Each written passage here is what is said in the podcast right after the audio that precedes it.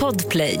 Hej, Hasse Brontén här som vanligt och som vanligt då så heter ju podden Snutsnack. Ja, på varje polisiärt ärende så är det ju alltid en patrull som är först på plats. Ehm, så var det i det här fallet som du kommer få höra alldeles strax. Egentligen var det väl ambulanspersonalen som var först på plats men Andreas, som dagens gäst heter, var första polispatrull på plats. Och den här händelsen kom att förändra hans polisiära liv helt. Alldeles strax kommer Andreas och hans berättelse. Glöm nu inte att följa oss på Instagram och Facebook och glöm inte att bli Patreon. Det blir du på patreon.com snutsnack där bland annat Andreas har intressant eh, tankar kring mobbning och sånt i skolan i dagens Patreon-avsnitt. Men det finns mycket bonusmaterial där. Var försiktiga där ute, ta hand om er och så hoppas jag att du får en riktigt intressant lyssning. 1310 570 kom. 1310 Odengatan kom. Ja, det är uppfattat. Vi tar det. Slut. Bra. Klart slut. Eh, ja, men då säger jag hallå Karlskrona. Hej, god morgon eller god förmiddag. Ja, hej, välkommen till Snutsnack Andreas. Tack. Intressant. Första gången jag ska podda nu så det blir spännande. Ja, vad roligt, vad roligt. Och vi pratade om det här innan, men du är ett tips från en av våra kära lyssnare som har kommit in i inboxen och det var därför jag hörde av mig till dig. Så att, eh, det är i alla fall någon där ute som vill eh, lyssna till vad du har varit med om. Så, här. så det, hur känns det? Eh, ja, det känns ju hedrande. Eh, jag har ju varit runt och pratat en hel del med folk så jag tänker ju spontant själv här att folk är så vansinnigt trötta på min röst. Men det är kul att det är någon som vill lyssna lite mer. ja, nu är du alldeles strax ute i eten för alla Snutsnacks eh, lyssnare i alla fall. Men du befinner dig alltså i Blekinge? Ja, precis. Eh, född och uppvuxen i eh, Karlskrona. Mm. Ja. Och hur var, den, hur var den uppväxten? Ja, väldigt, eh, en väldigt lugn, eh, okomplicerad uppväxt. Eh, fotboll och dataspel. Okej, okej. Klassiskt. ja, lite så. Det, ja, det var så det såg ut under väldigt många år. Jag gick inte det där spåret i ungdomen sen med fest och party och häng på stan, utan jag... Eh, nej, alltid kört mitt eget race så det har, det har varit eh, lugnt och stilla och mycket hemma på gatan. Liksom. Aha. Har du aldrig varit någon fest och partykille alls eller blev det satt åt sidan? Nej, jättesen. Eh, drack min första öl när jag var 21. Jaha. Och konstaterade att det inte var gott. Just det. Ja, men... Så, eh, ja, och det, det följs ju fortfarande. Alltså än idag så får man ju frågan när man eh, antingen ska gå på någon middag eller sådär eller om man nu ska gå ut och käka med, med vänner eller arbetskamrater så här. Så, ja, dricker du inte? Liksom, Nej, jag gör ju inte det. Nej, varför inte då? Ja, och så kommer den här frågan sen ska man behöva förklara sig varför man inte dricker alkohol. Då, liksom. och då brukar jag försöka vända på den där frågan att ja, varför dricker du? Kan du förklara det istället då eftersom jag verkar vara så himla annorlunda då? Ja. Så ja, nej, eh, så det har inte varit min, eh, min grej riktigt. Sen dricker jag något, något eh, glas vin ibland så där för att förhöja en mat... Eh, förhöja en maträtt liksom, men... Just det. Nej, det har inte varit min grej riktigt. Nej, nej. Jag känner igen det där. Jag, min bror är... Vi, jag har en bror som bara är ett år yngre än mig och um, han kom in på mitt rum någon gång när vi var sådär 17-18 år och skulle gå på någon fest och så hade han liksom, någon hade köpt ut några öl till honom. Och eh, så satt vi där och snackade, så, men jag gillar inte öl. Så, så han bara, jag är så sugen, jag tar en öl nu, sa han. Så han satt på mitt pojkrum och så knäckte han en öl där ur en flaska. Och så drack han den nästan som ur en reklamfilm, du vet. Så jag såg det lite från sidan hur han drack den. Och det såg så himla gott ut. Ja. Och då sa jag, men jag måste få smaka. Så jag, Nej, jag tyckte inte att det var gott. Alltså, det var, men sen har jag lärt mig att dricka öl, så idag, idag kan jag nog ta absolut att dricka öl. Men på den tiden tyckte jag inte det var gott. Jag tror det är nog få ungdomar som tyckte att första klunken öl var fantastisk. Ja, ja jag tänker också att det borde vara så. Men tankarna om, om polisyrket då? Om det var fotboll fotboll och, och dataspel. Vad, vad, när kom de in? När kom de tankarna? Ja, det, det var ju likadant där. Det kom ju väldigt sent. Eh, på högstadiet så fick vi eh, skriva en lapp. Eh, vad vi, jag tror det var när vi började årskurs sju. Så fick vi skriva en lapp vad det var vi skulle jobba med när vi blev eh, vuxna. Då. Mm. Och då, då skrev jag att jag ville jobba med barn. Eh, och det höll ju i sig under hela högstadietiden. Så när jag slutade nian där, då hade jag sökt barn och fritidsprogrammet. Jag var fast besluten att jag skulle jobba liksom på eh, dagis, fritids. Det var, det var liksom min, mitt intresse. Just det. Eh, så eh, då gick jag barn och fritidsprogrammet där och eh, blev barnskötare av det. Och sen började jag jobba i barnomsorgen här i Karlskrona. Jag hoppade runt som timanställd och fick några fasta tjänster och sådär genom åren. Och så var jag där under sex års tid. Och sen eh, 2001 då, då kom det någon sån här känsla liksom att ja, men, öh, jag, jag måste göra något annat. Jag kan inte sitta och läsa sagor och passa barn här när jag är 50. Då, alltså, jag vet inte, det kom någon... Det var väl någon, någon första livskris som kom där. Så Ja. jag tänkte att nej, jag måste göra något annat. Och eh, då, då kom jag in på två olika spår. Eh, då hade jag precis blivit pappa, 24 år gammal. Mm.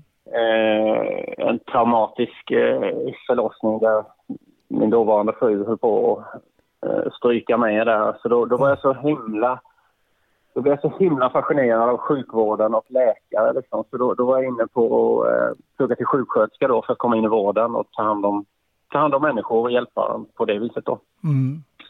Eh, och sen dök tanken också på att ja, fast polis kanske också kan vara, kan vara ett yrke. Mm. Eh, så jag skickade in en ansökan till eh, polisutbildningen också då, samtidigt. Och eh, har ingen såna här, det brukar vara ganska klassiskt annars att man har någon släkting eller förälder sådär som, som har jobbat inom polisen innan och så har man blivit färgad och så har man det intresset och sådär. Men så har det absolut inte varit för mig. Jag har ingen runt omkring mig i släkt eller så som, som jobbade i den branschen. Så det var en ren chansning och ja, sen kom svaret från polisutbildningen så det var gick vidare till första steget och sen till andra steget och sen, ja, och till slut så kom antagningsbeskedet då. Ja. Eh, och där, ja, därför hamnade jag där.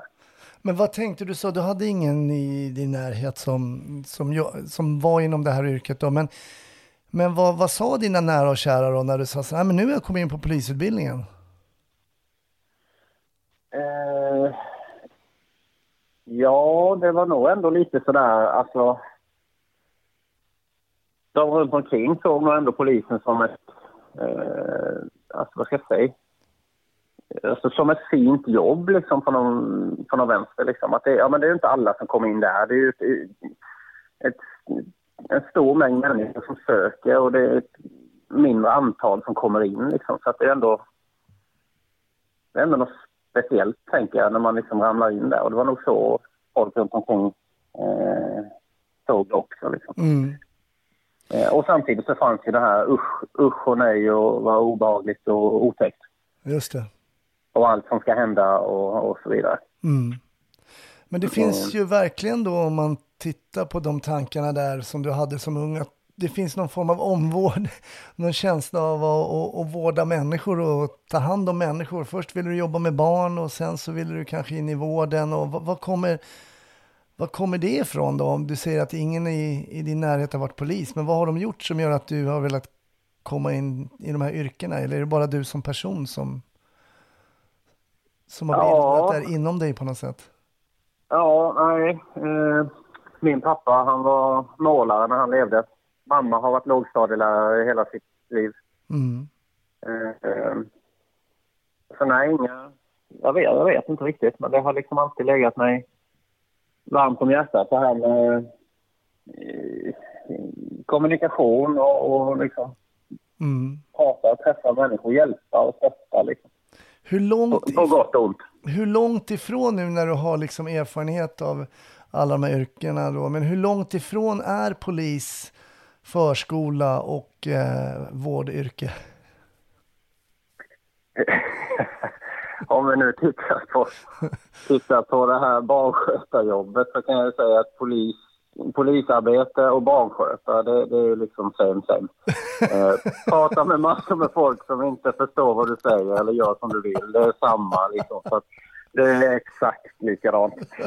Ja, jag tänkte Eh. just det, att det kanske finns några, det kanske finns några kontaktytor där ändå. Ja, det gör det ju. Sen ska, sen ska jag ju säga att när jag kom in på polisutbildningen, jag hamnade i Växjö då. Mm. Eh, så kommer jag fortfarande ihåg, vi skulle gå in i eh, självskyddshallen på första, första passet där då. Och, eh, då fick vi ställa oss framför spegeln och sen skulle vi liksom hitta den här posen då liksom.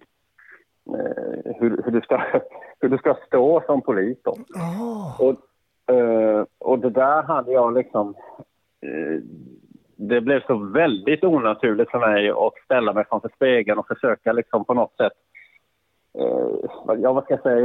Eh, nu tar jag, är jag ingen fan av det här machoköret, men du måste ju ändå utstråla någon form av pondus liksom och upp med bröstkorgen, stolt hållning och liksom eh, sådär va. Och där kände jag lite grann att det var lite svårt för mig att komma från soffan där man suttit med tre barn i knät och läst saga till att, till att ställa sig och liksom på något sätt börja markera att nu är jag här och det är mitt ord som gäller. Så, eh, ja, så det, det fick jag jobba på en hel del faktiskt. Körde ni aldrig den på barnskötarutbildningen, att man stod framför en spegel och innan man skulle gå in i kuddrummet och hur man skulle Nej. ha för pose?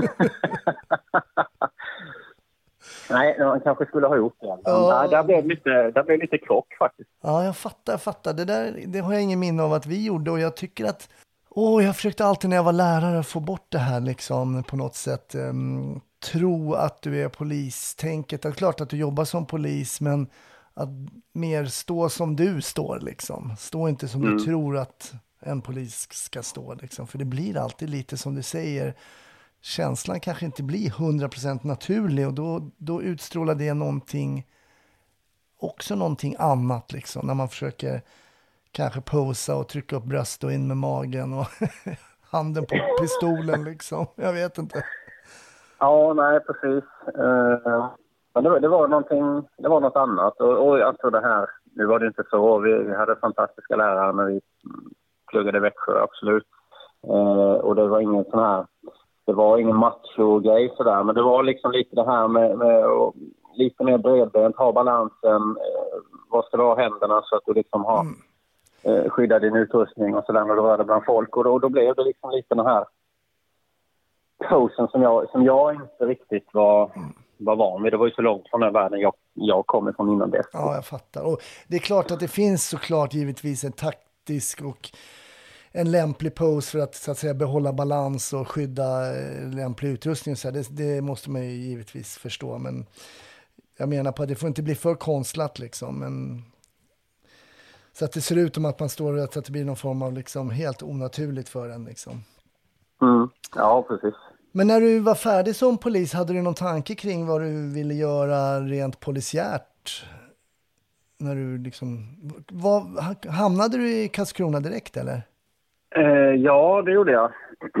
eh, så jag har ju varit här hela tiden och jag har trivts bra med det. Det var många som hade åsikter runt omkring att jaha, men ska du verkligen vara polis i din egen stad? Och Mm, Karlskrona är inte så där jättestor stad, eh, 60 000 invånare någonting kanske då. mm, Eh, och där var det många som hade åsikter att det kunde bli jobbigt med folk man känner. Vi, ja, ska du skriva böter på vänner liksom? Och ska du...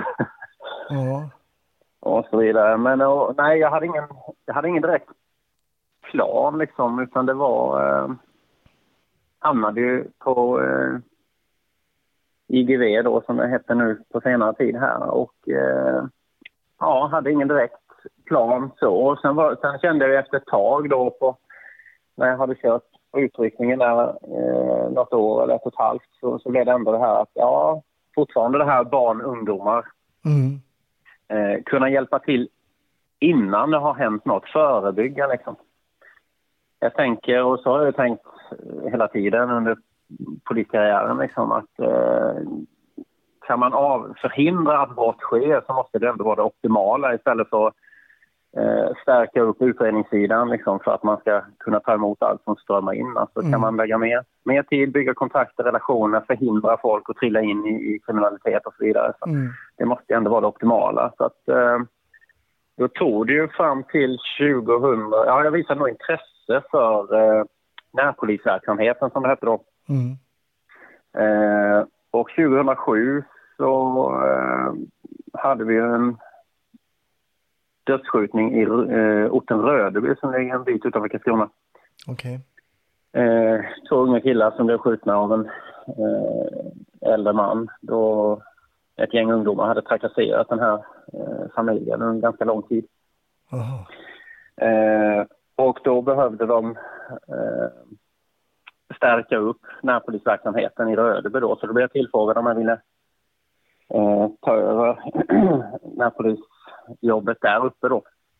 Mm. Det var, det var en äldre kollega där som började kännas, känna sig färdig eh, i sin roll som närpolis där uppe. Så då, då fick jag chansen att hoppa på eh, närpolisarbetet där och det var ju en lagom utmaning att komma till den byn Mm. efter den här händelsen då.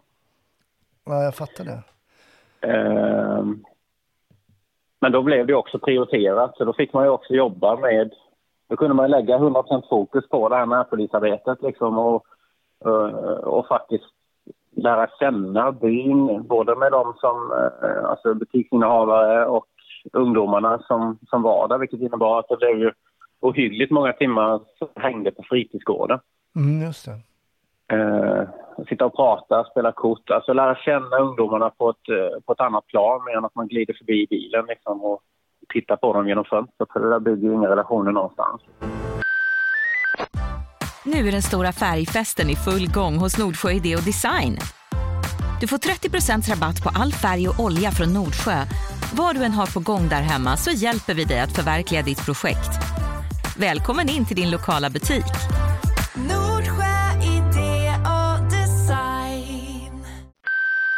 Hur var den skillnaden då, att gå från utryckningsverksamhet och snurra runt liksom och vänta på att få ett jobb egentligen till att då vara ja, i en brottsförebyggande situation så att säga på fritidsgården. Så hur, hur var det för dig då att ändra? Det är ju ganska radikal polici, polisiär ändring ändå i arbetssätt. Ja, det är det. Sen har jag ju alltid... Ja, jag har alltid uppskattat det här jobbet med barn och ungdomar och jag ska lyfta fram en av mina styrkor då så tänk, tycker jag ju då själv att det, det är just det här med att knyta kontakter och eh, kunna ta barn och ungdomar på, på ett bra sätt. Mm. Eh, att då kliva ut och börja umgås med ungdomar med, i uniform då, med, med vapen och alltihopa. Eh, där har man genom årens lopp nu liksom, det har ju, det har ju, mest har det varit en fördel liksom att komma som polis och träffa barn och ungdomar för de är ju intresserade och nyfikna av det liksom. Du blir Mm. som en magnet. Mm. Eh, sen får du ju en utmaning också, de här ungdomarna som du faktiskt vill komma åt och vill, skulle vilja knyta an till, de går ju åt andra hållet när du kommer. Just det. För det är ju ett polisförakt liksom. Just det. Eh, och du där, det, kunde du känna det att vissa vek åt sidan? Ja, ja, ja absolut. Mm. Eh, idag jobbar jag som socialpedagog på gymnasieskolan i Karlskrona. Eh, jag är ju fortfarande ett, ett namn som flera ungdomar känner till då. Alltså de känner till min bakgrund som polis. Mm. Eh, så de tar ju fortfarande av, alltså de håller sig på sin kant liksom. Och de tror en del tror fortfarande att jag jobbar som eh, undercover-polis på gymnasiet liksom. Att jag lyfter dubbla löner. det hade ju varit perfekt. Men så är det Men alltså nej. inte? Nej. Det, nej. Eh, men det, det är ju verkligen så att, eh, att vinna respekten hos de barn och ungdomarna som liksom är på fel sida och som beter sig illa, det är en jätteutmaning. Du, du kom ju att komma in lite grann i det du gjorde tidigare, även om så att säga ungdomar är ju äldre än förskolebarn då. Men det är ändå den här kontakten med ej vuxna så att säga fortsatte ju då, då i, di, i, din, eh, i ditt arbete. Ja, så är det. Och det har ju som sagt ja, det har ju präglat hela min yrkes, eh, hela mitt yrkesverksamma liv här så här långt. Mm. Eh, så jag, sitter fortfarande idag då som sagt på, på ett jobb där jag jobbar med ungdomar. Liksom. Ja, vi ska väl komma till det varför du sitter där du sitter idag. Eh, Ja, Eh, Men jag tänkte, jag brukar alltid, det är den här frågan som alla mina gäster får och, om eh, en händelse ur ditt polisiära liv som liksom har satt sig kvar och etsat sig fast. Och jag vet att du har en väldigt stark, ett starkt minne där. Har du lust att berätta vad det är för någonting? ja när vi... Eh, jag, jag tänkte på när du kontaktade mig och liksom droppade den här eh, podden då eh, och att jag skulle prata om något polisminne så alltså det börjar ju det börjar ju snurra i huvudet direkt. Så går, du, går du fram till vilken polis som helst och ber eh, den personen att berätta om en händelse så kan den personen sitta i timmar och rapa upp ärende efter ärende och den ena historien värre än den andra och det tar liksom aldrig slut. Ah, Eh, och jag började reflektera själv här eh, över de här grejerna som, som sticker ut. Och det är ju så, alltså hela polisyrket, det, det är så många surrealistiska händelser. Alltså när jobbar man som polis då, är det, då blir det vardag då tyvärr. Men när jag nu har kommit utanför polisen under ett antal år och sett tillbaka och börjat fundera på vad jag varit med om för händelser så blir det liksom bara, vad, vad fan är det frågan om? Vad är det jag har jobbat med? Vad har jag gjort liksom? mm, Så eh, det bara flashade igenom då eh, ett antal ärenden där. Eh, jag hade en man då som beställde, beställde skjuts till sitt eget självmord. Han skulle ta livet av sig ville veta hur snabbt polisen skulle komma på platsen. Jaha, är det någonting jag ska berätta om? mm, Eh, vi hade det där paret som hade hängt sig tillsammans i en spilta i ladugården. De hade hängt sig hand i hand. Och oj, där vet jag, där åkte jag ifrån med en känsla bara föregick den händelsen av ett mord. Mm. Och sen hade vi situationen när vi var med i en biljakt där det blev ombytta roller. Plötsligt var gärningsmännen som jagade oss i polisbilen då, vi körde civilbil. Så, ja, alltså ja, man skulle kunna sitta och dra hur många stories som helst här men den händelsen som sticker ut i mitt eh, polisiära liv det, det var ju mordet på eh, Jar i Karlskrona. En åttaårig flicka som blev eh, ihjälslagen på valborgsmässoafton 2014. oj, Eh, och det var en händelse som påverkade mig väldigt starkt. Eh, och det landade i att jag där och då efter det arbetspasset så, så kom den här känslan att nu, nu är jag färdig i yttre tjänst. Jag, tänk, jag tänker aldrig mer sätta mig i en situation där jag kommer tvingas att hamna etta på ett sånt här ärende och fysiskt behöva ta i de här eh, människorna eller de här små kropparna. Liksom. oj, Eh, så så det, det satte verkligen sina spår så att eh, där fick jag där fick jag sen eh, inre tjänst då eh, bakom skrivbordet istället som eh, ungdomsutredare. ja. Ja, så då fortsatte det här arbetet med ungdomar då, fast då var det i pappersform istället. Men har du, har du lust att berätta vad som hände det här passet för dig? Och vad som, Ja. varför det, ändrades, det ändrade dina tankar om yrket så abrupt? Absolut. Eh, det var en valborgsmässoafton då, ja, och vi... Eh, jag tror vi hade ett pass där som var 17.03 som vi skulle, skulle jobba och det var mycket närpoliser som var som var igång den här eh, kvällen. Det var gott om, gott om yttre personal. Och som, eh, som närpolis, ja det, det var ju ett syfte under kvällen att försöka jaga upp eh, ungdomsfester för att förverka alkohol och Mm eh, se till så att de höll sig någorlunda nyktra. Eh, och det var ganska lugnt på förkvällen. Vi åkte runt och kollade de här klassiska platserna med badplatser och olika, eh, olika dungar runt om i skogspartier och sådär som brukade vara kända festtillfällen. Men det var ganska lugnt så det hände inte så mycket. Sen fick jag och min eh, kollega ett, ett jobb om en berusad man som hade eh, betett sig illa framför sin eh, fru och sina två små barn. Så vi åkte på det jobbet och sen löste vi den situationen tillfälligt i alla fall då på, på natten där. Och när vi gick ut från den lägenheten så sa vi det bara, fy fan vad vissa barn växer upp i, vilken miljö alltså. Mm. sen eh, sätter vi oss i bilen och då har vi varit och hämtat, hämtat mat hemma hos min mamma. Eh, som vi skulle äta då på, eh, på kvällspasset. Så vi satte oss i bilen och så skulle vi åka in och, och käka. Så vi kommer precis in i, i garaget och parkerar bilen och så ropar de upp oss då. Eh, och då blir vi beordrade på eh, ett hjärtstopp. Mm. Och jag kommer ihåg, för vi, vi sitter kvar i bilen fortfarande, så jag vänder mig till kollegan och vi tittar på varandra och sen så bara, ja men eh, hjärtstopp, vad ska vi göra där? Eh, ambulansen är dessutom på platsen så vi känner bara att eh, ja, det här låter märkligt. Okej. Men det var inte så mycket att ifrågasätta eller så utan vi, eh, vi kör ut igen. Och eh, äntligen så är det ett jobb liksom som ligger två minuter bort i framkörningstid. Liksom. Mm. Eh, och, och då känner man ändå bara yes, vi, vi ligger liksom rätt på det här. Så vi eh, kommer ut till Pantaholmen då som det heter, ligger två minuter utanför Karlskrona. Och eh, svänger in på adressen och då ser vi att längre bort på gatan vid ett hyreshus så står det en ambulans eh, och de håller på att lasta en patient där. Och eh, en ambulanspersonal kommer och går mot polisbilen.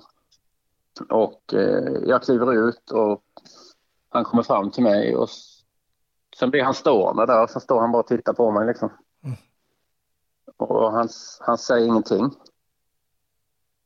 Och det hinner bli en liten frustration liksom att ja, shoot, vad ska vi göra? Ja. Men han är liksom, det tar, det tar några sekunder liksom för länge eh, innan han säger någonting. Så jag känner bara så han, han kan inte prata, han liksom förmår sig inte att få sig några ord överhuvudtaget. Okej, det var en, en person i chock helt enkelt. Ja, så skulle, ja, så skulle jag vilja säga det. Det här, var en, det här är en äldre och erfaren ambulansförare som jag har eh, träffat på tidigare. Liksom, så att han, han är rutinerad. Liksom. Eh, men nej, det, det är fullständigt låst hos honom. Och till slut så säger han bara någonting i stil med att ni, ni får följa med. Okej. Eh, och vi är första bilen som är där så att eh, min kollega ropar upp eh, yttre befäl då och säger att vi har ett, det har hänt något här. Vi vet inte vad som har hänt men vi kommer åka med ambulansen upp till akutintaget. Eh, men det kan vara lämpligt att skicka hit andra patruller till adressen för att se eh, för att följa upp vad som har hänt. Liksom. Men nu vet ni som polispatrull fortfarande inte exakt vad som har hänt? Nej, nej, vi, vi har inte koll på läget där. Nej. Eh, så vi åker med ambulansen upp till eh, akutintaget, eh, parkerar bilen, eh, går in i garaget och så ställer vi oss eh, snett bakom ambulansen och väntar på att ambulanspersonalen kliver ur eh, bilen och sen så går de, kommer de bak och öppnar bagageluckan och tar tag i båren och ska dra ut den. Och samtidigt som han drar ut den här båren då liksom och får ner den på, på hjul där. Det är då första gången som jag ser eh, den här flickan då. Mm. Och det, det är ju glas, alltså det finns ju inte ett liv i henne liksom. Hon är, hon är ju död liksom. Oj. Och då, ja, det, det är ju första gången jag hade jobbat i 13 år då, men det var första gången under poliskarriären som jag bara kände ta bort mig härifrån, jag vill inte vara med nu liksom. Shit. Eh, Du ville verkligen bara lämna platsen. Var det en sån känsla som, som infann sig hos dig då? Ja, ja, hur det skulle ha gått till om jag skulle bara liksom ja, försvunnit upp i ventilationssystemet eller att Mm. det var, oh, det bara skrek i kroppen liksom för det här var så det kändes så onaturligt. Jag hade aldrig, jag hade aldrig, ja, jag hade jobbat eh, Ja, jag hade ju jobbat som sagt i 13 år och eh, varit på flera dödsfall, liksom, eh, trafikolyckor och, och självmord av olika slag liksom, och sådär. Men Mm. eh, det här blev liksom något helt annat. Det var, det, ja, det är en för liten människa liksom. Mm. Så skulle jag nog säga. Mm. Eh, de rullar in den här flickan i akutrummet och eh, jag kommer ihåg att jag vi håller oss i korridoren utanför det här akutrummet. Vi vet ju fortfarande inte vad som har hänt. Liksom. Att, ja, vi har konstaterat att vi har en, eh, ett barn som, som är avlidit då. Eh, men vi vet ju fortfarande inte hur det har gått till eller vad som har hänt. Och så minns jag att när jag tittar in i det här akutrummet och då har de precis dragit av henne filten då. Eh, så det sista jag ser innan de här eh, frostade glasdörrarna går igen, det, det är hennes högra axel. Eh, och ja, den, har ju helt, den är alldeles blåfärgad och den, alltså jag, min bedömning där och då är ju bara att den, den armen den sitter ju kvar i kroppen på grund av att skinnet är intakt. Liksom. Eh, och då vet jag, då, då skulle jag ropa, ropa upp till yttre befäl där att, eh, att vi hade ett eh, väldigt grovt brott och eh, så vet jag också att då funkade det inte att ropa i radion liksom, för då var vi inne i den här bunkern så vi hade ju liksom ingen eh, eh räckvidd på radion där. Så jag fick gå ut och sätta mig i bilen och då var det redan full aktivitet på radion liksom. Det var svårt att komma fram i kön. Okej. Eh, för då hade ju de andra patrullerna kommit till adressen eh, och kommit upp i lägenheten. Eh, och där var ju också, där fanns ju också såklart tecken liksom på att eh, allvarligt brott hade, hade begåtts. Eh, och jag pratade med yttre befäl där liksom och, och säger att våldet är har varit så kopiöst grovt så att de, de ska börja titta om hon har blivit, eh, alltså leta efter nedslagsplats eh, under balkongen, om hon har blivit kastad där eller om hon har blivit dragen efter en bil. Alltså det var på den nivån. Liksom. Oj, oj. Mm.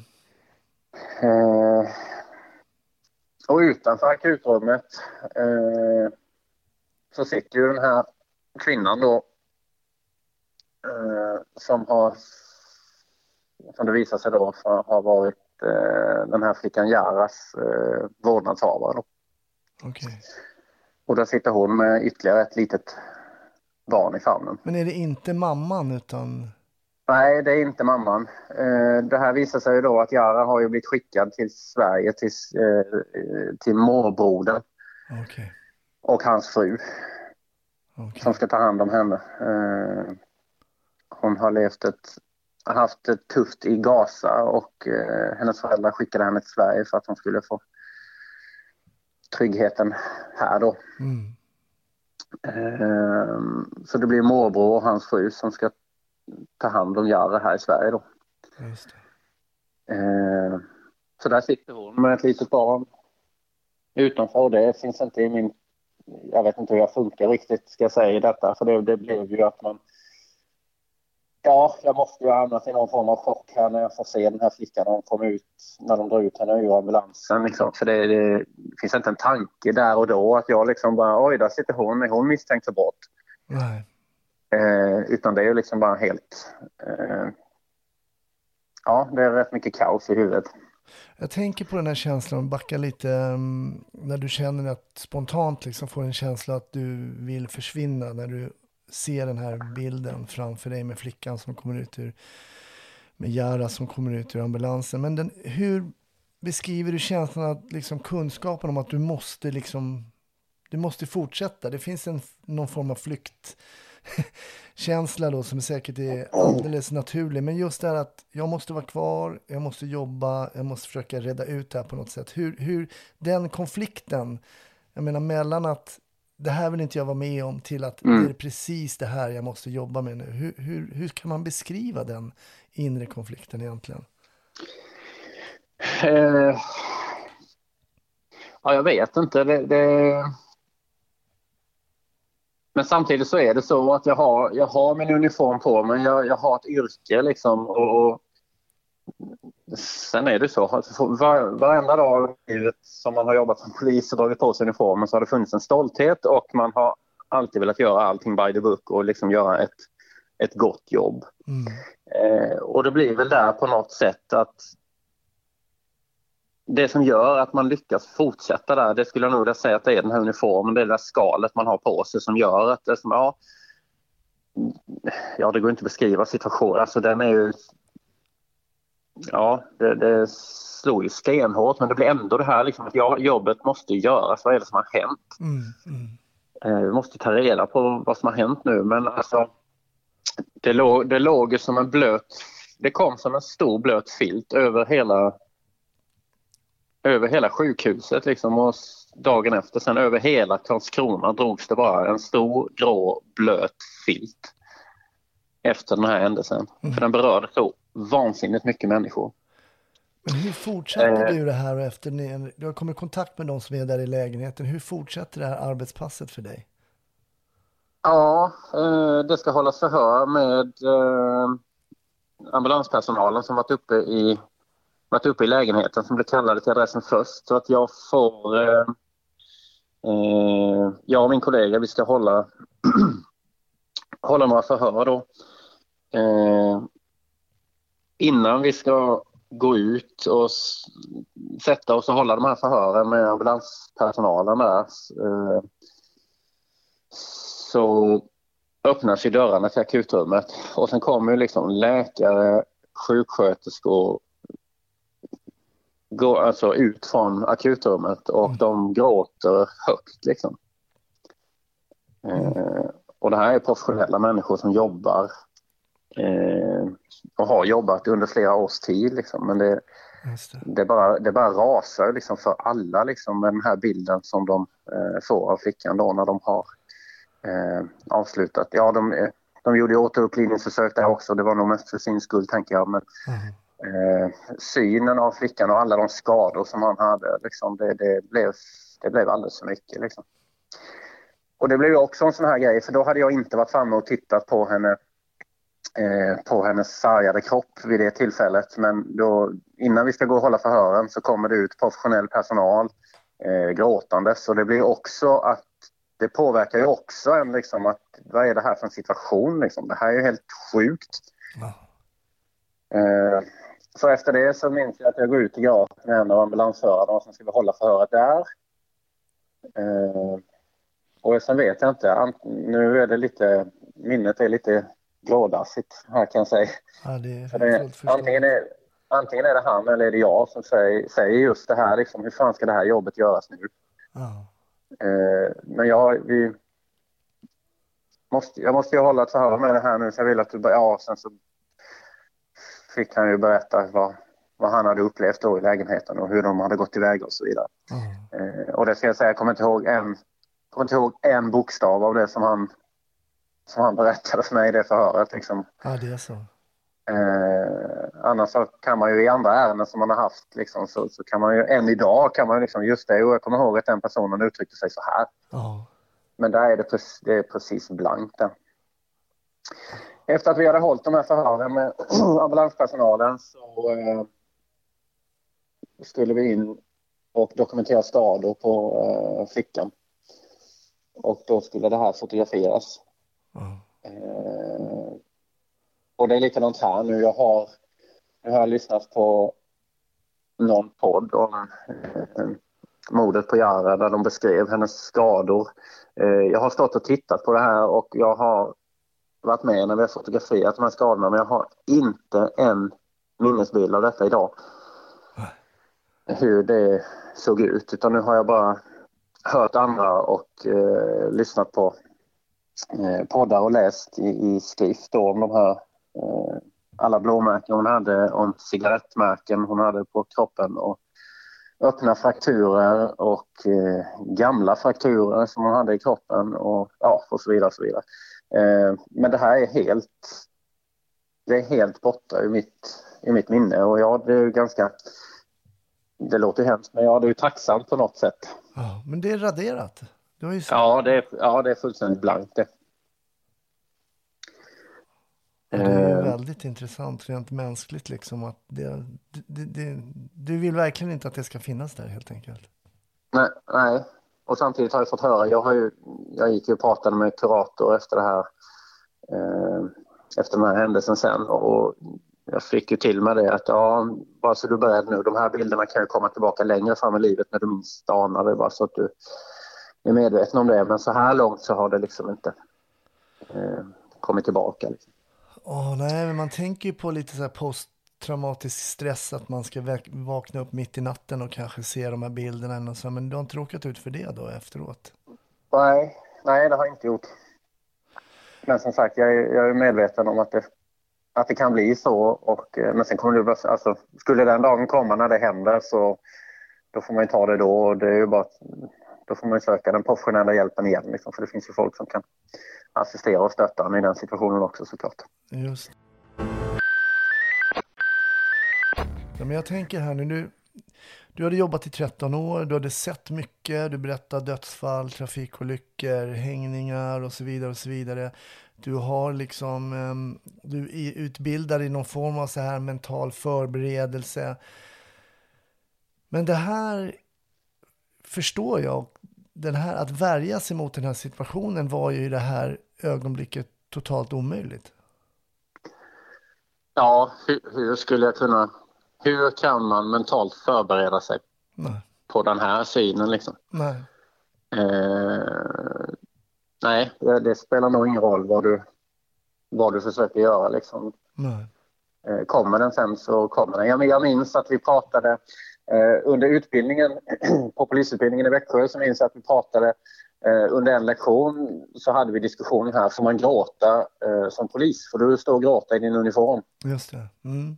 Eh, och då hade vi eh, en lärare då som sa nej. Nej. För du ska, det är du som är tryggheten på platsen. Det är du som liksom... Ja, du, Du som är den fasta punkten där då. Liksom. ja precis. Och det, du ska liksom, du ska reda det här. Sen får du ta, får du ta det sen. Det Och jag, låter jag ju vet att omänskligt. Ja. Ja. Ja, och jag vet för det blev diskussioner i klassen och vi var många som sa ifrån liksom, att ja, fast man, man kan inte styra det där liksom, för man är ju, man är ju människa under det här, eh, under det här skalet. Ja.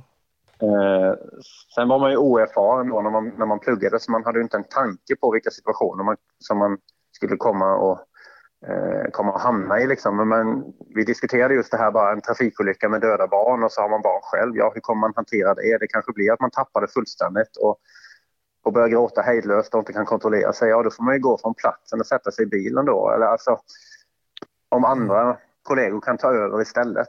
Eh, om man skulle tappa det fullständigt. Men, men eh, man, måste, man har ju rätten såklart. Man är ju människa, man har sina känslor. Mm. Och vi, vi har ju våra ryggsäckar, vad vi har varit med om privat också. Alltså, och det kan ju bli saker som kommer och knackar på mitt under mitt i arbetssituationen. Liksom. Och Det går ju inte att styra. Men hur blev det för dig då när du var mitt i det här? Med Eh, gråta uniform och... Ja, alltså nu är jag sån här känslokille då som eh, inte är mycket för det här macho, machotugget. Eh, utan jag, jag har ju verkligen känt av i livet alltså vikten av att kunna gråta, vikten av att släppa fram eh, och få sätta ord på känslor som, som eh, även när livet inte är bra och toppen. Mm. Eh, och hur viktigt, hur viktigt det är. Och det kände jag definitivt efter den här händelsen också då liksom att som ändå påverkade mig så, så pass starkt liksom att jag hade inte fått sätta ord på det här, det här alltså jag hade inte klarat av att bara lägga ner det här i ryggsäcken. Så en erfarenhet rikare. Nu tar vi nästa ärende. Nej. Det hade inte funnits på kartan liksom. Nej. För det kom en dag efter det här, det här arbetspasset också. Ja, det gjorde det. Men jag minns... Och det blir också intressant på, eh, när vi var klara med... Eh, när vi höll på och hade dokumenterat de skadorna. Vi skulle ju... Vi skulle ju bara ta foton och grejer. Sen skulle vi liksom säkra upp hela flickan. För hela hon var ju ett bevismaterial. Så att vi... Det, vi skulle ju fixa fram en liksäck där då, där hon skulle förvaras. Eh, och då uppstod det en frustration mitt uppe i den här sorgen och tomheten i huvudet och, och ledsamheten och alla känslor som bara får runt i kroppen eh, så finns det liksom ingen, finns det ingen liksäck att få tag i. Det finns ingen i, i, på sjukhuset. Jag försökte få kontakt med olika begravningsbyråer för att se om de har något. Se om det finns något inne på polisstationen. Då. Eh, ingenting, utan det blir ett stando där liksom. Eh, och då blir det ju en sån här i van, hade det varit ett vanligt ärende då hade man kanske tagit det lite lugnt och så hade man fått sätta sig och ta en fika medan man väntade på det. Men nu blev det liksom, i och med alla känslorna och sådär så blev det en ganska kraftig irritation liksom. Hur, Ja. eh, gentemot hela organisationen. Hur är det möjligt? Vad, vad händer? Hur ska, vi, hur ska det inte gå att få tag i en liksäck? Liksom? Mm. Och så löste sig det till slut och då hade yttre befäl kommit till sjukhuset och då sa han till mig och min kollega där att eh, vi kunde åka in till stationen nu för det var, det var annan personal som var där som kunde ta hand om ta hand om kroppen för den skulle köras ner i, i kylrummet eh, som kunde låsas då så den skulle förvaras. Mm. Eh, men då pratade jag och min kollega med varandra och så sa vi det liksom att nej, vi vill, för oss är det viktigt att få sätta ett avslut eh, för den här flickan nu liksom så att vi, vi vill ta den här transporten ner till kylrummet. Jag vet inte och det, det kan jag fundera på än idag. Varför, varför gjorde vi det? Ja. Jag hade, jag skulle säga efter ja tack, ta bort oss härifrån men Ja, nu- du, du gick ju egentligen från den känslan då du hade där du ville försvinna till tvärtom stanna kvar då. Ja, så blev det på något sätt. Så man, man ville liksom, kan vi ge henne trygghet för natten nu och, och avsluta det här på ett, Ja. på ett bra sätt så vill vi göra det. Så att, då får vi göra det. Så vi, vi eh, tar den här britsen och rullar henne genom kulvertarna tillsammans med en ordningsvakt som ska visa vägen genom systemet i källaren på lasarettet. Eh, och så möts vi upp av en präst utanför det här kylrummet. Och jag, har, jag är ju helt övertygad om, eh, det här är polisfilmernas fel har jag insett i efterhand, men jag är helt övertygad om att vi nu ska rulla in henne i ett kylrum liksom, som är, eh, det är tomt, eh, det är några lampor i mitten liksom, och så ska vi rulla in och ställa henne i mitten av salen. Liksom. Oh just det. Och han säger ingenting den här prästen och min hjärna har ju slutat fungera sedan länge. Eh, så han öppnar dörren och vi går in här och det sticker ju ut så många fötter från olika britsar i detta rummet så det är helt fullt med kroppar som ligger där inne. Ja. Och där kommer ju nästa käftsmäll då som jag inte överhuvudtaget var beredd på. Jag har mental förberedelse liksom att jo, jag kanske borde ha tänkt att vi skulle gå ner i kylrummet. Det kanske inte helt otippat att det ligger massa kroppar där men det, fanns, det funkade inte liksom. Med, Ja. så det blev ytterligare en sån här grej och då, då får jag illa liksom. Ja. Det var så att jag inte fick luft då för det, det blev för mycket liksom. Oj. Så då, då minns jag att då, då sänkte jag blicken och sen tittade jag ner på den här eh, plast, plastsäcken istället då där, där Jara låg. Liksom. Det, på något sätt så gav det en trygghet liksom, på något sätt att ja, jag, jag är inte här själv, du är också här. Liksom. Eh, och sen så tyckte den här prästen då att vi skulle stå och snicksnacka färdigt lite inne i kylrummet där men det, det gick ju inte så jag släppte ju bara taget. Sen gick jag bara förbi honom rakt ut liksom, för jag behövde komma ut i, ut i den riktiga luften utanför sjukhuset liksom, för att börja få luft. För det var, det var nästan till andnöd liksom. Mm. Eh, så ja, sen eh, var det dags att åka in till stationen och börja avrapportera och skriva. Och där kommer jag inte heller ihåg någonting, jag vet det. Eh, hade fått meddelande från min dåvarande särbo att, som undrade var jag var någonstans för att tiden, tiden hade sprungit iväg. Eh, Hur mycket koll på tid hade du där? ingenting. Ingenting. Ja. Plus att vi inte har ätit då, för det var det vi skulle göra där. Strax efter klockan 22 skulle vi sätta oss och käka middag. Just det. Och det blev det ingenting av. Men det fanns ju ingen hungerkänsla heller. Alltså allt, ja jag vet inte, kroppen var, det var näst, ja det måste ju varit så att kroppen var avstängd på något sätt liksom, eller gått in i något annat, något annat mode.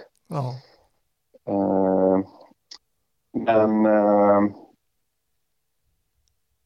ja, så vi visste det färdigt och sen så sen skulle vi åka hem ett, ett par timmar. Sen skulle vi ta- eh, in till stationen sen igen och, och samlas för eh, någon första debriefing av något slag. Då. Men då, ja, då åker jag hem och jag, jag kommer liksom bara innanför dörren på hallmattan och då, då bär inte benen längre liksom, utan då, då rasar jag liksom bara ihop där. Och tårarna bara trillar och trillar och trillar och det går inte liksom och eh, Då kom liksom allting. ja, ja precis. Det gjorde det. Eh, Men vad du gjorde vet, du då, då liggandes i lägenheten? Vad, vad gjorde du? Ja, sen ringde jag till... Eh, sen ringde jag min särbo då och eh, hon förstod ju att det hade hänt något. Hon jobbade också som polis. Ja. Eh, och eh, hon hade ju läst vad som hade hänt. Det hade ju kommit ut. Mm. Eh, och då, ja, och då, och då- ja, då, då frågade hon hur jag mådde eller hur jag kände. Och, ja, det var ju som att trycka på en knapp liksom och sen så började Niagarafallen igen liksom och, och tårarna bara trillade. Och, ja, det var... Eh, det, ja, det, det tog hårt alltså. Det var eh, riktigt, eh, riktigt tungt liksom. Jag tror att det är fullt förståeligt för alla som, eh, som lyssnar nu och, och förstår den känslan som, som du beskriver, att det var tungt.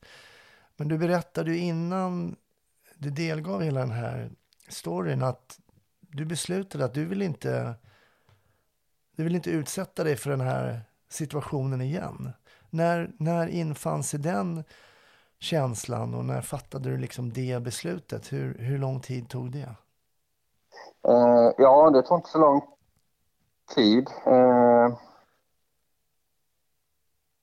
efter, efter att jag hade pratat med min särbo där så gick jag och la mig och lyckades somna några timmar då. Sen vaknade jag av att eh, kollegan som jag jobbat med under natten eh, hon ringer till mig och eh, hon är också min chef vid det här tillfället.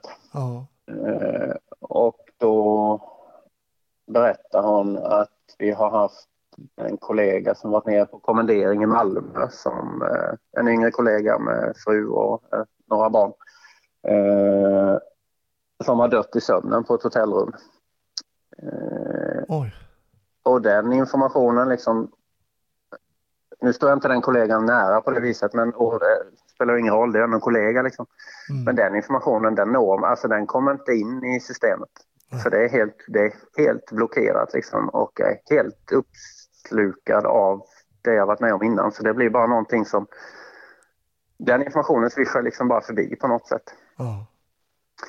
Eh, så sen ska vi in och ha eh, debriefing på polisstationen och då sätter vi oss där och då sitter vi hela stora närpolisgänget som har jobbat under natten för alla blev inblandade i, på olika, olika stationer om man ska kalla det så under natten där. Ja. Och eh, när jag får ordet där så då säger jag redan då hur, hur ska jag kunna sätta mig i en radiobil nu på nästa arbetspass? Mm. jag är inte beredd att åka på ett sånt här jobb igen. Liksom. Så redan där så, så har den här tanken kommit att jag, är, jag är färdig nu liksom i yttre tjänst. Hur blev det emottaget då? Kommer du ihåg om du fick några, något gensvar eller några svar på den, på den sägningen så att säga? Att hur, jag är inte redo. Hur tog Nej, emot det, nej det, var ingen som, det var ingen som sa något, eh, ifrågasatte eller, eller eh, så överhuvudtaget. Utan det var mer en förståelse. Liksom.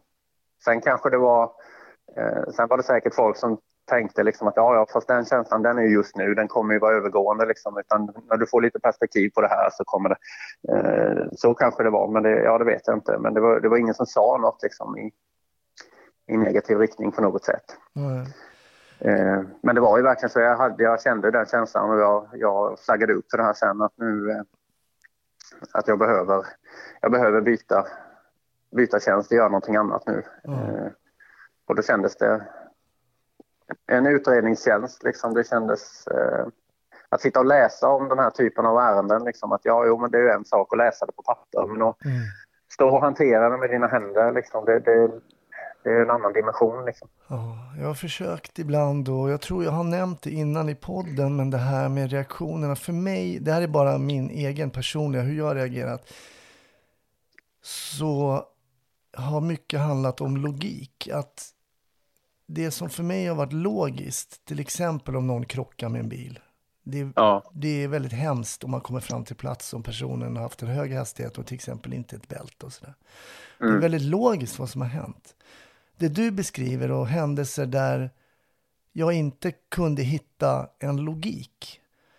Där det bara Ja. handlade om ondska och mänsklig liksom, eh, grymhet, där hade jag oerhört svårt att hantera vissa saker. Och kan du känna att det finns någonting där också, liksom när det ologiska famnar om en, liksom, när det inte går att... Du ser ju den här flickan, du ser Jara, hon ligger där.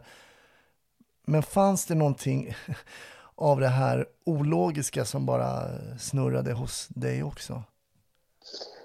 Ja, men det blir nog lite som jag, som jag var inne på innan, liksom att eh, så många ärenden man har varit på som har varit hemska på alla sätt och vis. Och, Mm. eh, man har suttit och lyssnat och pratat med anhöriga som har förlorat eh, sina nära och kära. Och, eh, men ändå så då har man kunnat liksom hålla det stånget på något sätt lite sådär på, på avstånd. Även om det har varit eh, eh, självmord och, och sådana grejer så har man kunnat hålla det på distans när det har varit andra och när det har varit äldre människor. Liksom. Men, men Mm. det är väl som du säger nu, det, ett barn ska inte ett barn ska inte dö på det sättet. Liksom. Det, det är onormalt, så det skriker om det såklart.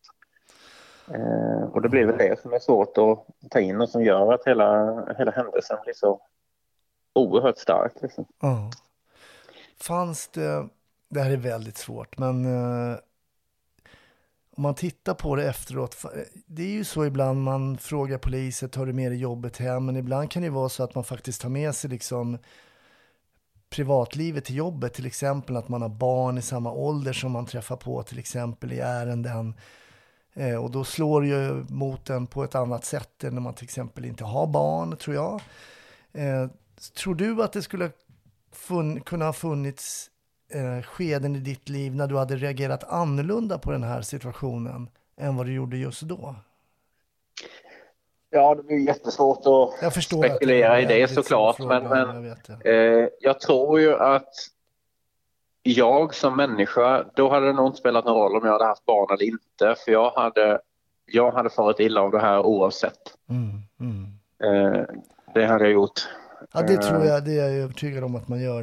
Eh, jag tänker att ibland är man ju som polis, jag tror att allmänheten kanske också, men man är ju i olika sektioner i sitt liv, olika skör och olika sårbar, liksom, utan att man kanske Mm. ens själv vet om det. och Man kanske efteråt kan se, ja men där var jag ju liksom i det här eh, skedet av mitt liv. Liksom, sådär. Och om någonting hade hänt, vet, ja, där hade jag varit starkare och så vidare. och så vidare. Men jag vet att det var en jättesvår fråga, men jag tänker bara att man är ju inte lika stark jämt. Nej, Man är liksom nej, inte på absolut. topp eh, hela tiden. Liksom. Nej, nej, nej. Och jag, jag har haft eh, händelser privat som, som har varit vansinnigt tuffa eh, som jag har, hade med mig i bagaget inför eh, mordet på Jara. Liksom. Så att, nej, jag, jag, har, jag har fått min dos av, eh, av katastrofer i livet, det har jag absolut. Och det, det kan ju helt klart vara så att det, det kanske spelade in också då, men, men jag är ju Ja, jag är, jag är skörare som människa idag. Mm. Eh, sen ser jag det som någonting positivt. Jag, jag, jag tycker att jag, jag är en bättre version av mig själv Mm. eh, idag med allt jag har med mig i ryggsäcken än vad jag kanske hade varit om jag inte hade fått uppleva de här sakerna. Sen Mm. hade det varit bra om de sakerna som har hänt inte hade skett såklart. Men, men eh, jag hade varit en annan människa om jag inte hade upplevt det här. Liksom. Just det här med förståelsen av andra människors liv och erfarenheter och, och just när man ska bemöta dem och, Mm. och vad de eh, har med sig i sitt bagage. Att man liksom är medveten om att man inte vet vad, vad andra människor gått igenom. Eller den här aggressiva, den här aggressiva fyllan som står och gapar och skriker och så vidare. Liksom att, ja, att fortfarande bemöta honom eller henne med, med respekt med, uppe i, eh, mitt uppe i situationen. Liksom. Det, det, Mm det kräver ju så vansinnigt mycket av en polis liksom, att gå in i de här situationerna och bemöta människor med respekt oavsett vad det är som händer. Sen kan det vara svårt att såklart om man nu tittar på eh, alltså kravaller och sådana typer av när man utsätts och hamnar i situationer liksom, att tänka på hänsyn och respekt. Det, det, jag har inte varit inblandad i någon sån situation men det har präglat min, mina år inom polisen liksom, att alltid försöka tänka på det här. Liksom. Så jag, vill, jag vill få rubriken att jag är en schysst och korrekt polis. Liksom. Mm. Jag vet att det är många som utbildar sig till poliser som, som lyssnar på podden. Och vad skulle du säga, skulle du, finns det överhuvudtaget något råd att ge inför kommande upplevelser? För det är ju så att beroende på tur och otur kan man faktiskt säga så kommer ju vissa Mm. poliser att gå igenom ett helt polisiärt liv utan kanske några, några göra så att säga Ja, och förhoppningsvis utan någon göra. Men medan andra kommer ha en väldig otur och, och få uppleva väldigt mycket mer traumatiska händelser. Men finns det någonting, du som har det här nu i din, i, i- i din erfarenhetsryggsäck, någonting man kan ge som råd? Ja jag, jag tänker ju bara på eh, eh, mig alltså som människa. Liksom. Att vi, vi är måna om att gå på gymmet och bygga upp en styrka och att vi ska må bra, liksom ett välmående. Vi ska äta rätt och vi ska som sagt träna och bli, eh, hålla liksom, fysiken och så vidare. Mm, Eh, själ och hjärta ska också vara intakt, tänker jag. mm, Eh, vilket innebär att hamnar man i situationer som påverkar så, så att man ska ta hjälp eller fråga efter hjälp och stöd. Eh, man behöver inte vara sjuk i huvudet för att gå och prata med en eh, psykolog eller en kurator utan har man varit med om en, en händelse att man faktiskt tar den hjälpen och får gå och prata av sig helt enkelt. Och den händelsen finns inte på någon skala utan det är bara precis det du känner så att säga. Alltså den personen, känner, känner man att man vill prata så ska man gå och prata. Ja, så är det. Mm. Jag menar, det blir återigen vad man har i ryggsäcken och det kan vara vilken, vilken situation, vilket ärende som helst inom polisen som påverkar dig eller mig på olika sätt. Du kanske tar det jättehårt och för mig så var det liksom bara en axelryckning. Mm. Men då måste ju du hantera din, du måste ju hantera din känsla liksom. Ja.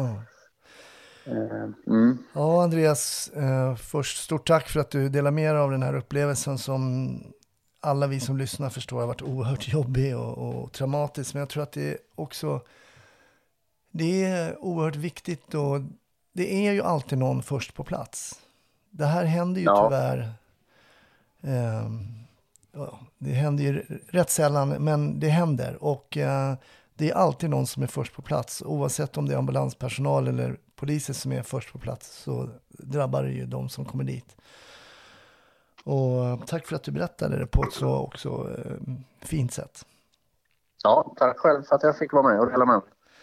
Men du jobbar inte, du får inte dubbla paychecks idag.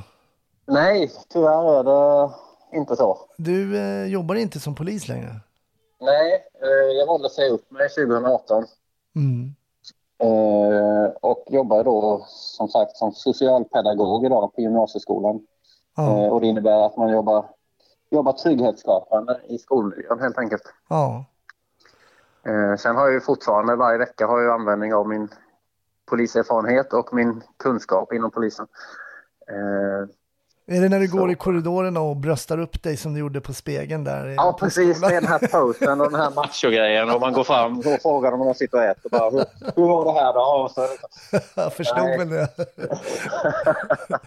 Nej, jag skojar bara Ja. såklart. Ja. Nej, men berätta, hur tycker du att du har liksom, har du, har du användning av dina, din polisiära erfarenhet liksom i det här nya yrket då? Ja, eh, det har jag. Vi har ju, eh, det dyker ju upp, alltså det här, är en- den kommunala gymnasieskolan i Karlskrona, det omfattar ungefär 2300 ungdomar. Mm. Och självklart så eh, händer det saker när det är så många ungdomar som ska inrymmas i, i samma lokaler liksom runt omkring. Mm. Eh, så det, det är många olika eh, ärenden eh, som jag ska säga, ja, som trillar in hos polisen till slut. Då. Mm.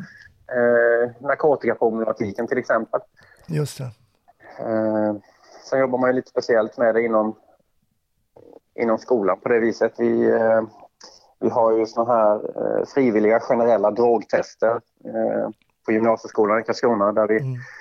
Erbjuder eh, ungdomar testning då, där vi slumpar fram, eh, slumpar fram klasser och i klassen slumpar man fram ett antal elever som får lämna Mm. urinprov och sen ställer vi ett antal frågor relaterade till alkohol, eh, droger och tobak. Då. Just det.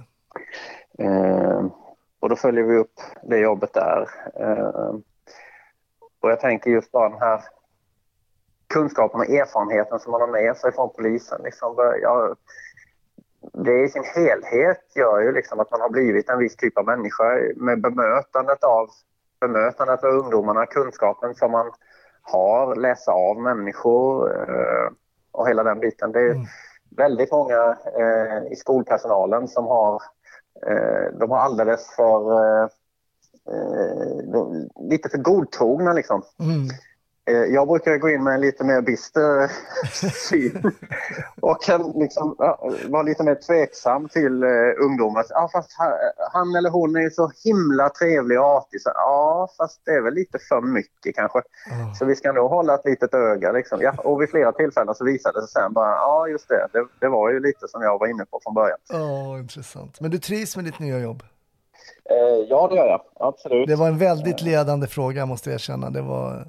Ja, det, det får man ju säga att det var. Ja. Men eh, jo, jag, jag trivs. Eh, Jag saknar lite action. eh, Det ska jag väl villigt erkänna sådär. Men att hoppa in i polisuniformen igen nu och alltså jobba kväll och natt och sånt. Det finns ju inte på kartan. Man är så pass gammal nu så jag känner att det, jag behöver min sömn på kvällarna. Ja, det ser man. Vi ska prata vidare Andreas. Vi ska prata, du ju- ju föreläser ju också om mobbing och så vidare och vi ska prata lite om det i Patreon-avsnittet. Ja, just det. Men innan eh, vi går dit så skulle jag ju vilja höra, du sa ju att du faktiskt hade blivit, när, ni, när du var på väg mot det här um, kylrummet så hade du kanske bilder av, eh, ja, på grund av eh, allt tittande på polisfilmer tidigare. Tittar du någonting på polisfilmer nu för tiden? Eh, ja, det, jag konsumerar väldigt mycket eh, film och serier och sådär. Så att, eh, jag har tittat på dem. Som, alltså, precis när man var nyutbildad polis så där, då var man en plåga och tittade på polisfilm. För då kommenterade man alltid sönder filmerna. Liksom. Ja, Klassiker. overkligt tog det inte till och det kan man ju inte liksom. Eh, ja, det här, hinner inte vänta, gå in själv. Va? Nå, mm. Men du har släppt det? Så nej, det var ju liksom lite sådär. Men eh, ja, sen har jag, nu har jag tittat på alla Beck-filmerna så där ligger jag i fas. Nu kommer den sista här den 21 januari så den ska jag titta på också. Men Mm, kul. ja, det är ju ingen favorit på det viset. Jag tycker ju att den tunna blå linjen landade, om man nu ska titta rent polisiärt så, så tycker jag nog att den landar ju eh, väl i hur det polisyrket kan vara. Liksom. Mm, absolut. Sen har du, sen har du piggat upp med en Gunvald Larsson. Liksom, att jag tänker kunna få bete sig så mot vissa människor ibland. Det hade ju varit förlösande för en själv. Liksom. Men det ligger så långt ifrån sanningen och alla förhör som hålls utan att man skriver en bokstav. Och så, ja, det är bekvämt. Just det. Vad, vad ligger i, vad rullar nu då? Är det någon serie du följer just nu? Eh, nu har jag tittat på morden i Helsingör Ja. på det sista. Eh, ja, ganska... Det blir ganska lättittat men det, sen, samtidigt så är det lite uttjatat. Jag ska väl säga att jag tittar ju helst på eh, komedi och humor liksom. Ja, kan du rekommendera något?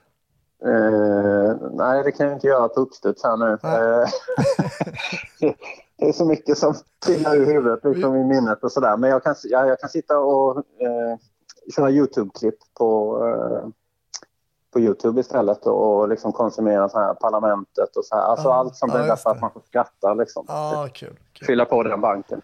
Ja, det är bra. Andreas, stort tack verkligen för att du var med i ett avsnitt av Snutsnack. Det var otroligt eh, spännande, emotionellt och intressant. Ja, tack för att jag fick vara med. Tack.